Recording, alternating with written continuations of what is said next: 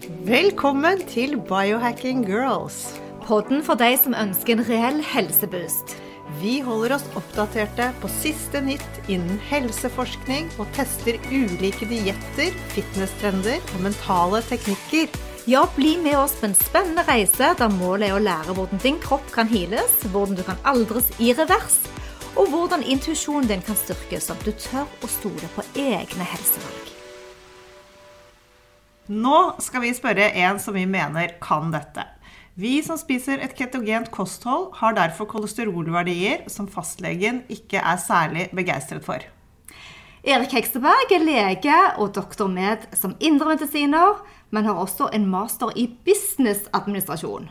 Han har jobbet på sykehus innen medisin og som privatpraktiserende lege. Sammen med sin kone Sofie Hekseberg har han drevet en egen klinikk siden 2010. Fokus er å hjelpe pasienter med individuelt tilpasset kosthold. Erik Heksberg er også leder i Helsepartiet, som har valgspråket 'Et friskere Norge'. Velkommen til Biohacking Girls. Velkommen til deg, doktor Erik Hekseberg. Velkommen. Tusen takk. Så hyggelig at du er her. Kanskje du, Vi må nesten starte med Helsepartiet. Et friskere Norge. Vi sier bare ja takk. Hvor, kan du forklare litt om slogan?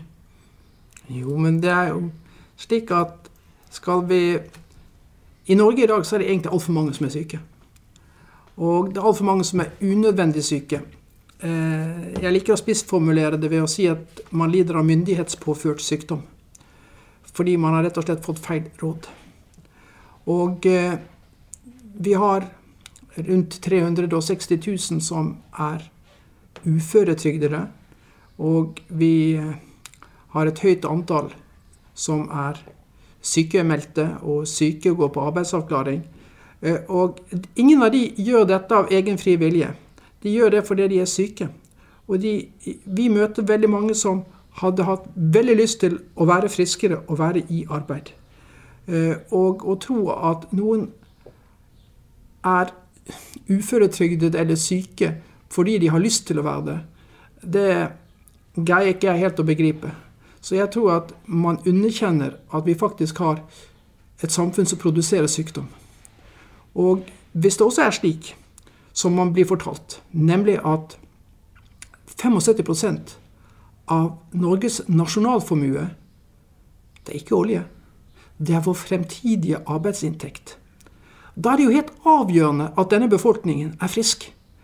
Hvis befolkningen i større og større grad blir syke, så er så er det umulig å en, se for seg at vi har en fremtidig formue i arbeidsinntekt.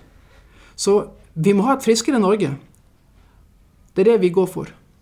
Og, må, og det, det henger, hele samfunnet vårt henger sammen med helse. I disse tider så skjønner vi jo at eh, covid-19 det setter jo ikke bare at man blir syk av det, men det setter jo hele samfunnet ut av spill. Eh, vi forholder oss eh, nå plutselig til sykdom på en helt annen måte enn vi har gjort noen gang før. Og kanskje vi må begynne å tenke annerledes om sykdom og beredskap enn det vi har tenkt. Og at vi må lære hver og en hvordan man best kan ta vare på egen helse. Og det er jo det dere holder på med. Ja, vi mener at vi holder på med det, men har du en god oppskrift eller noen gode heks til oss? Kan du inspirere lytterne våre på hva man kan ta fatt på? Ja, Det enkleste du kan gjøre, det er å redusere på inntak av karbohydrater. Og det ser vi at vi har blitt anbefalt å spise altfor mye karbohydrater gjennom de siste 50 år. Og eh, vi kan med fordel redusere inntak av karbohydrater, spise mer fett. Og så er det slik at noen kan greie seg med en begrenset reduksjon, men eh, har du fått eh, betydelig overvekt, fedme eller diabetes type 2, så bør du nok kanskje stramme skikkelig inn på karbohydratene. Og så er det slik også at veldig mange som, eh, som er slanke, kan ha nytte av å spise et ordentlig eh, lavkarbokosthold, mer ketogent kosthold, eh, helse, ut fra helsemessige grunner, uten at de, selv om de er slanke. Så det ser vi jo at det er mange som har nytte av det. Og hvis jeg skal ta, en, ta en liten ekstrarunde her, så er det jo i disse covid-19-tider noe du selv kan gjøre er jo definitivt å ta tilskudd av både vitamin D og vitamin C og litt multivitamin. Det burde alle gjøre. Jeg bare tenker det du sier med lavkarbo, for det er jo litt vanskelig òg å være La oss snakke litt eh, helseparti òg, da. eh, Når man går inn i en butikk og det bugner over med mye dårlig mat. Det er jo mye carbs som ligger der rett foran betalingsdisken, og du har lavt blodsukker. Så det er ikke lett å være eh, forbruker, det er ikke lett å være kunde, det er ikke lett å være sunn og ansvarlig. Men det er helt riktig. Men uh, går du inn i en butikk, så må du vite hva du skal kjøpe. Eh, du må vite at eh, du skal gå forbi eh, brøddisken som møter deg først i butikken, fordi at du skal kjenne den gode lukten og putte oppi brødmaten. Og du må være bevisst på at du passerer de siste 20 meterne før du kommer til kassen, hvor det er reoler med stort sett godterier, og hvor det står 'det er lov å kose seg'. Det kan du eh, hoppe over. Og du må ha et litt bevisst forhold til at det er kjøttdisken og grønnsaksdisken og mat som du kan se hva er for noen ting som du skal spise. Nettopp. Viktig å lese på og kanskje ikke være kjempesulten når du går inn i handel. Nei, Jeg har, lært, jeg har lært det at når du går inn i butikken, så hold deg til ytterveggene. Sånn der hvor ferskdisken er, grønnsaksdisken, og så gå hele veien rundt. Ikke gå i de aiselsene som er i midten av butikken. Da har- er mye gjort. Der Det er er det, helt bare, riktig. der er det bare rapsolje likevel. Ja, ikke Jo, men da er, skal du inn i de, så må du vite akkurat hvor du skal hen. Ja, nemlig. Men det er jo synd at man ikke kunne lagt opp eh, Jeg håper du gjør en god jobb eh, med dette, Erik, også for å forandre eh. Butikken, Ja, ja. butikken. Interiøret, rett og slett, i butikken. Ja. Ja, la oss si det slik at vi har en plan. Å, herlig. herlig, Kommer herlig. tilbake igjen til det. Følg med. Vi, vi skal følge med. Men vi er jo da veldig opptatt av dette kolesterolet i og med at vi spiser ketogent kosthold. Og vi tar mye prøver, og verdiene er ikke i tråd med det fastlegen mener og anbefaler. Så for å, at lytterne skal skjønne dette med kolesterol, for det er jo komplekst, det er vanskelig, og jeg vet at du kan dette, så hvis du kunne forklare oss kolesterol, Mm. så hadde vi blitt veldig, veldig glad for det. Ja, jeg forklarer jo da selvfølgelig min måte å forstå kolesterol på. Eh, Men noe er vi jo enige om. Kolesterol er et molekyl i kroppen, eller som kroppen lager selv, og som kroppen trenger. Og det inngår i utrolig mange prosesser i kroppen. Det inngår som en del av cellemembranen i alle celler i kroppen, altså i celleveggen. Det inngår også eh, i hormoner som testosteron og progesteron og østrogen. Og ikke minst, det er D-vitamin blir laget fra kolesterolmolekylet ved at det blir omdannet først i huden, så i leveren og så i nyrene for at det skal bli et aktivt D-vitamin. Så ja, kolesterol trenger vi. Men det som har vært problemet med kolesterol, det er mer innpakningen av kolesterol. De, kolesterol blir pakket sammen og transportert i blodet sammen med eh, annen type fett i bestemte typer partikler. Eh, og de partiklene som regnes for å være de såkalt farlige partiklene, det er dette som er LDL-partikler. Eh, low density lipoprotein-partikler. Og så har vi partikler som er eh, gunstige, og det er high density lipoprotein-partikler, hvor man tenker at kolesterol blir transportert tilbake igjen fra vev i kroppen og til leveren. Men så er ikke det fullt så enkelt som at det såkalt dårlige kolesterolet, LDL-kolesterolet, det er ikke egentlig så veldig dårlig. Det er eh, sammensatt av dels store og luftige partikler som er gunstige, og dels små, tette partikler, som er de partiklene som er de skumle. Og det er jo ikke noe problem hvis man har mye av de store og luftige partiklene. De er ikke forbundet med hjerte-karsykdom. Men triglyseridene, da? De spiller vel også Ja, triglyseridene. De måler ofte ikke fastlegene. Nei. Men vi er veldig opptatt av triglyseridene, som er fettstoffer. Det er egentlig triglycerider. Det betyr egentlig at det er eh, tre fettsyrer som er bundet sammen til et glyserolmolekyl. Og disse blir også transportert i disse LDL- eh, og HDL-partiklene. Og eh, eh, vi, hvor mye det er av triglycerider i blodet samlet sett, har stor betydning. Og vi ser på, og vi er veldig opptatt av å måle nivået av triglycerider i fastende tilstand. Jeg har nemlig mine siste tall fra min eh, blodprøve når det gjelder både alle disse eh, ja, kolesteroltallene, så jeg lurte på om du kunne kommentere de. De er ikke så ulike mine, faktisk. De er, så- nei da, vi er ve veldig ja. like. Så vi, vi, ja. Og, og igjen, vi spiser jo da et ketogent kosthold, lavkarbo. Vi har til og med vært på carnivore når disse prøvene er tatt. Triglyceridene mine er da på 0,62 Flott. i det glimrende. Og så har jeg S-kolesterol, totalkolesterol, på 13,1. Hvor da HDL er på 4,2 og LDL er på 8,0. Ja, dette er verdier som din fastlege blir skremt av. Ja. Og eh, som legger, og nok legger ansiktet i alvorlige folder og sier at eh, her er dine siste dager Ja. kommet. Helt riktig. Ja. Og eh, saken er jo egentlig den at hvis vi går og ser på totalkolesterolverdien din på 13,1, så er- det, det er opplagt en høy verdi. Men er det nå slik at jo høyere kolesterolverdi, jo større risiko har du for å dø Ja, av er- hjerte-karsykdom?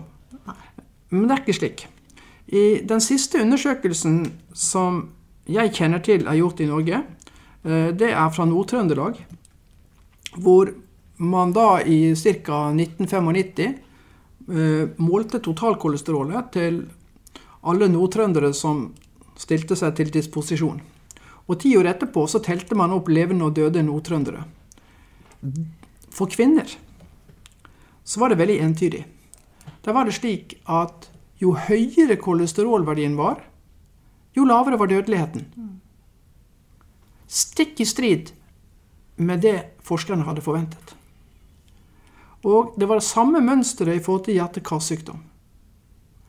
Og det viste seg at det var eh, høyere dødelighet blant de kvinnene som hadde kolesterolverdier under fem, som var det ønskelige, sammenlignet med de som hadde over syv. Nå tok det ikke med å skilte ut de som hadde så høy verdi som 13. Men eh, mønsteret var helt klart at jo høyere, eh, jo bedre. Jeg har nemlig akkurat lest en bok av dr. Stephen Hussey, 'Understanding the Heart', heter den. Og han snakker faktisk om at jo høyere kolesterol, samme som du sier, jo bedre immunforsvar har du. Så ja. Men da kommer vi tilbake igjen til disse delene som går på LDL-kolesterolet, som da regnes for å være det skumle, hvor du har en så høy verdi som 8. Og da begynner jo noen å bli alvorlig bekymret. Det jeg selvfølgelig gjerne skulle hatt, var jo da en spesialprøve som vi tar, og ser på om du har de store og luftige partiklene eller de små tette. Men jeg kan vel si noen ting om sannsynligheten for hva du har, ut fra triglyceridverdien og HDL-verdien. Eh, Vi driver jo nå og skriver bok om kolesterol og hjerte-karsykdom.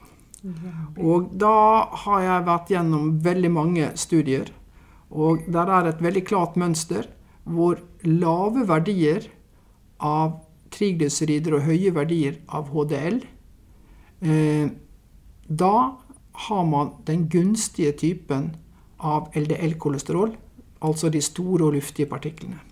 Og du har lave verdier av triglycerider på 0,62. Jeg ønsker meg verdier i prinsippet under 1. Og så har du en verdi på HDL som er usannsynlig høy, eh, på 4,2. Den er veldig flott, sett med mine øyne. Og du har en ratio her som er nede på forholdstallet mellom triglyserider og HDL her. Eh, Skal vi se Røftlig. Ca. 0,15. Eh, og det er eh, Du er eh, Jeg skal ha det under 0,74. Og, jeg vet at den profilen du ville ha, er de store og luftige partiklene. Ikke sant? Fordi pga. den ra- ratioen så er antageligvis de 8,0 de store fluffy. Det er de store fluffy. Det er helt riktig. Mm. høyst sannsynlig. Jeg har- jeg har og jeg er ikke bekymret for dette. Bilder av årer også, og jeg er helt uten plakk. Du er helt uten plakk i, på dine halspulsårer. Ja. Aldeles utmerket. Men hva er dette? Er det old school? Altså, det er jo uh, veldig interessant for oss å ha deg som talsmann, da, Erik, uh, på vegne av kolesterolvurderingene som vi har vokst opp med. Er det noe som er bedre for folk å forstå, noe som er bedre og mindre misvisende, som man kan måle? Hva er det? Nei, du, du, eh, du må gjerne måle kolesterol, men det er jo hvordan du forstår det. og jeg måler jo også kolesterolverdier, og jeg måler triglyseridverdier eh, i fastende, eh, slik at jeg får fastende verdier. Og er jeg i tvil, så eh, legger vi inn en måling av disse partikkelstørrelsene, fordi at det går an å gjøre en enkel liten undersøkelse i forhold til å få frem om man har de store luftige partiklene eller de små tette partiklene. Så det er en test man kan ta. Ja, det er en test man tar. Den er tilgjengelig hos Lab1. Ja, kjempebra. Men um, tilbake til skolemedisinen nå kontra 50-tallet. Ansel Keys, når han da lanserte denne teorien om hjertesykdommene våre. Det var vel da ting begynte å gå helt gærent med kolesterolet. Men er det vært noe endring i skolemedisinen siden den gangen, eller er vi fortsatt på Støkt. Støkt på 50-tallet? Eh, Det er, det er nok en viss utvikling, men det, er, det har kjørt seg fast. Eh, og det er slik at eh, man kan forstå at idet du fikk en epidemi av hjerte-karsykdom, så eh, kommer det et, et behov for å prøve å finne ut av hva skyldes dette, og hva kan vi gjøre med dette eh, problemet. Dels fant man ut at eh, tobakksrøyking det var en skummel affære. Det skadet blodårene, og det bidrar også faktisk til høyere kolesterolverdier, men det blir, gir også skumlere kolesterol. Eh, og så trodde man at mettet fett var den store synderen, fordi at mettet fett øker kolesterolnivået. Og fordi man da hadde funnet at det var en slags sammenheng mellom kolesterolnivået og forekomst av hjerte-karsykdom, så ble jo teorien at mettet fett var farlig. Men, og det her kommer eh, det man hopper litt over. Det man spiste mye av Hvis det var mettet fett, så burde det jo være noe vi har spist mye mer av før. Da burde jo hjerte-karsykdommer ikke være noe som kom plutselig eh, i løpet av 1900-tallet og fikk et voldsomt oppsving etter andre verdenskrig. Så hva er det som skjer? Eh, etter min vurdering så henger dette sammen med transfett. Det er eh, den industrielle prosessen for å lage det smøret man ikke hadde. Altså margarin. Eh, og fra ca. 1910 så begynner man å lage margarin ved hjelp av en industriell prosess hvor man lager et fettstoff som blir transfettsyrer. Og transfettsyrene de oppfører seg litt på samme måten som mettet fett, i den forstand at de er harde i romtemperatur, men de oppfører seg biokjemisk ikke på samme måten som mettede fettsyrer. Kroppen håndterer de ikke på samme måten. Kroppen opplever de som fremmede. Og, har, eh, og det viste seg jo da at det var en klar sammenheng mellom økn, eh, høyt inntak av transfettsyrer og kolesterolverdier. Hvilket da gjorde at margarinindustrien i løpet av 1990-tallet eh, plukket vekk, eller endret margarinene, slik at margarinene istedenfor eh, transfettsyrer fikk da fettsyre som var fullhydrogeniserte eller fullmettede. For det vil si at en transfettsyre er delvis mettet eh, med hydrogen. Så da tok de og kjørte prosessen litt mer fullstendig og laget da mettede fettsyrer. Eh, slik at margarinene per dags i, i dag de er, eh, består ikke av transfettsyre lenger. Men transfettsyre var fortsatt tilgjengelige i eh, matvarene våre faktisk helt frem til 2014. Vi kunne ha matvarer helt frem til 2014 som kunne inneholde 100% av fettet som transfett. Mens Danmark i 2004 ensidig gikk inn på et regelverk som med å eh, forby mer enn 2% av fettet som transfett. Så, men Danmarks, eh, det som Danmark gjorde, det påvirket i realiteten hele verden. Slik at eh, i dag har vi mye mindre transfett, industrielt transfett, i matvarene. Meget begrenset. Men jeg tror at grunnen til at eh, man da har hengt igjen på at eh, det er en sammenheng mellom kolesterol og hjerte-karsykdom, skyldes nettopp det at man har eh, Man opplever Eller man eh, putter mettet fett og transfett i samme båt. Mm. Eh, og det går ikke an å gjøre. Og det er studier Det kommer flere og flere samleanalyser internasjonalt hvor man har sett på hvilken sammenheng det er mellom mettet fett, inntak av mettet fett og utvikling av hjerte-karsykdom. Og de, uh, det er kommet en, nå en rekke analyser som viser at det ikke er sammenheng mellom inntak av mettet fett og hjerte-karsykdom. Og det har også vært en veldig interessant analyse som viste det at det var Hva er forskjellen på de som viser at det er en sammenheng, og de som ikke viser at det er en sammenheng? Forskjellen ligger i om de har, eh, om de har ryddet ut transfett eller ikke. Altså Dvs. Si de som da blander transfett og mettet fett, og ikke tar det, eh, skiller det ut, da risikerer du å tro at mettet fett kan forårsake hjerte-karsykdom.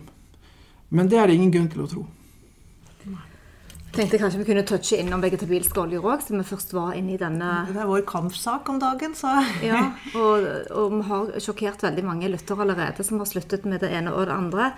Fordi at er det bare å flytte problemet og flytte transfett, transfett bort og, og, ta inn seed soil i produkter? Er det liksom same same new wrapping, eller hvordan vil du vurdere dette? Ja, det, det, er enda litt mer komplisert. For de selges jo til og med eh, som at det å spise mer eh, flerumettet fettsyrer, det skal være veldig gunstig for eh, hjertehelsen, blir det sagt. Ja, det leser vi jo på Helse-Norge, så det er klart at det ja, ja. vi stole på. Ja. Nei, det må du ikke stole på.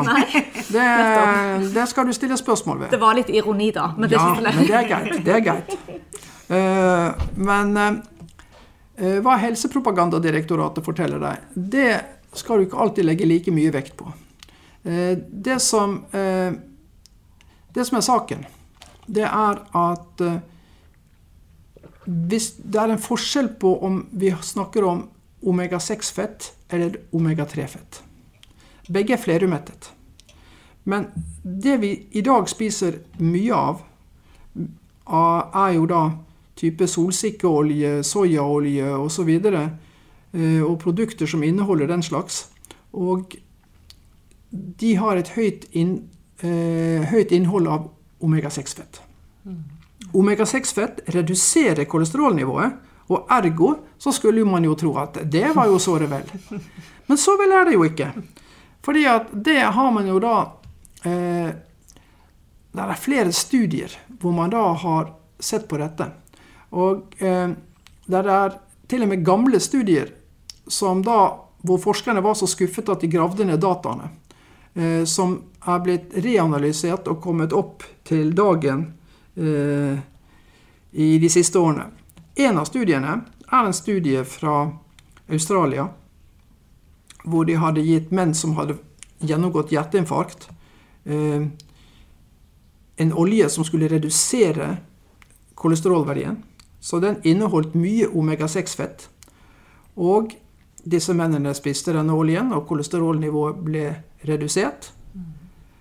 Men sammenlignet med kontrollgruppen så hadde de 73 mm, høyere dødelighet av hjerte-karsykdom. Og eh, dødeligheten var generelt mye høyere. Og forskerne ble jo selvfølgelig så skuffet over at dette virket jo ikke. At det var jo ikke noe morsomt å publisere dette. Hele hypotesen var jo feil. Og et tilsvarende forsøk ble gjort. Eh, vi snakker det i en periode rundt 1970. Tilsvarende forsøk ble gjort i Minnesota i USA. Bl.a. med Ansel Keys, som dere nevnte her. Og han visste jo også det at hvis man da byttet ut mettet fett med flerumettet fett, så ville man jo redusere kolesterolverdien. Det skulle jo da selvfølgelig gjøre at man eh, da eh, reduserte risikoen for hjerte-karsykdom. Så det forsøkte de da i forskjellige nursing homes og eh, eh, psykiatriske institusjoner i Minnesota, hvor de hadde veldig god kontroll over hva folk spiste. Eh, mens de fant ikke at dette ga noe resultat. Og reanalysen viser også at det ikke bare at det ikke var noe resultat, de fant også at de som hadde da fått størst reduksjon av kolesterolverdiene, hadde høyest dødelighet. Eh, så det var stikk i strid med det som eh, var det oppleste og vedtatte. Så hvordan man i Norge kan få lov til å kalle noe som helst hjertegodt, eh, er for meg uforklarlig når det stort sett inneholder omega-6-fett for å redusere kolesterol. Ja da, Vi ser jo òg på det innpakningen på Olivero f.eks., som da flasher olivenolje, som har da kun 17% av det reelle olivenoljen. Så, men OK, denne runddansen, da. Man er redd for kolesterolet, man går til legen, man får medisiner for å senke LDL og, og totalkolesterol. Og så er man i gang, og bivirkningene kommer. Ja, igjen, har du noen gode råd? Ja, jeg tror det. Herlig. Eh, jo, men for det første så må man vite har man egentlig nytte av kolesterolsenkende medisin. Eh, hvis man har så fine verdier som vi hørte her i sted, som jeg vil kalle fine verdier, Eh, så har man egentlig ingen nytte av eh, kolesterolsenkende medisin, fordi man har jo ikke noen høyere risiko. Og det er ikke dokumentert at eh, man har noen nytte av å senke kolesterolverdiene hvis triglyseridene er lave og HDL høyt. Derimot har man den motsatte sammensetningen. Altså høye triglycerider lavt HDL-kolesterol. Det er stort sett en profil man har hvis man spiser veldig mye karbohydrater. For det er slik at triglyseridene de, er, de blir laget i leveren pga. overskudd av karbohydrater. Mm. For å si det litt enkelt. Men eh, da, har man, da har man nytte av kolesterolsenkende medisin. Men det man jo selvfølgelig burde gjøre, var jo å legge om kostholdet. Eh, da er det jo ikke sikkert at man har nytte av kolesterolsenkende medisin. Men jeg har pasienter hvor jeg anbefaler kolesterolsenkende medisin når jeg ser profilen er hakkende gæren. Eh, samtidig så har jeg også hatt pasienter som da ikke har tatt kolesterolsenkende medisiner, men de har tatt på alvor det de skulle gjøre på kostholdssiden. Og jeg har vært strålende fornøyd når de kom tilbake igjen. Mm. Så ja, Eh, jeg vet at kosthold virker. Ja. Fantastisk å høre. Og dette med forebyggende tiltak òg, som går på livsstilsendring, det er jo det som er deres kampsak i, eh, i klinikken din, da. Ehm, vi er jo biohackere. Er det noen sånn spesielle, litt sånn rare biohacks du tenker er bra å vite i forhold til kolesterol? Du har snakket om eh, lavkarbo, men er det noen andre ting som man kan gjøre? Trening er jo selvfølgelig en del av vår hverdag, så vi tenker at det er å bevege kroppen sin. Ja, altså det er jo klart at eh, Ja. Så har jo jeg en eh, Jeg har jo et lite, en liten hangup på når man spiser. Mm. Fordi at det er en veldig mote med dette faste greiene. Og det er for så vidt vel og bra. Men vi er forskjellige. Og jeg er veldig opptatt av at vi er ulike.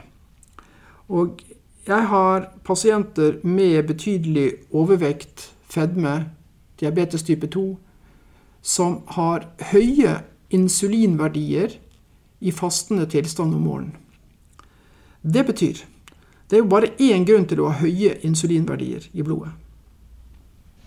Og det er at kroppen din lager sukker. Altså at det er mye sukker i blodet, er det som får insulinet til å stige. Og eh, grunnen da til at det er mye insulin i blodet da, er rett og slett fordi at leveren din driver og lager mye sukker. Hvis du har en lever som driver og har gått løpsk og lager sukker, og er insulinresistent, og ikke lar seg stoppe av at insulin stiger og skal gi tilbakemeldingen til leveren om at 'nå, kjære lever, kan du stoppe å lage sukker'. Når det ikke funker, så må man bruke reserveløsningen. Og reserveløsningen det er faktisk å spise. Og da anbefaler jeg eh, at man spiser frokost.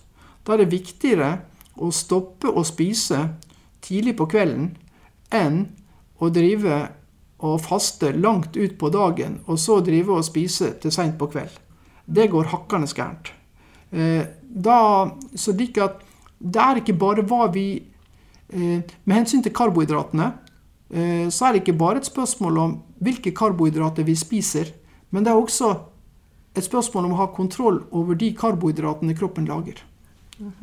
For skal du komme i ketose, og skal kroppen få lov til å utnytte eh, fett som er lagret, så må vi ha ned insulinnivået.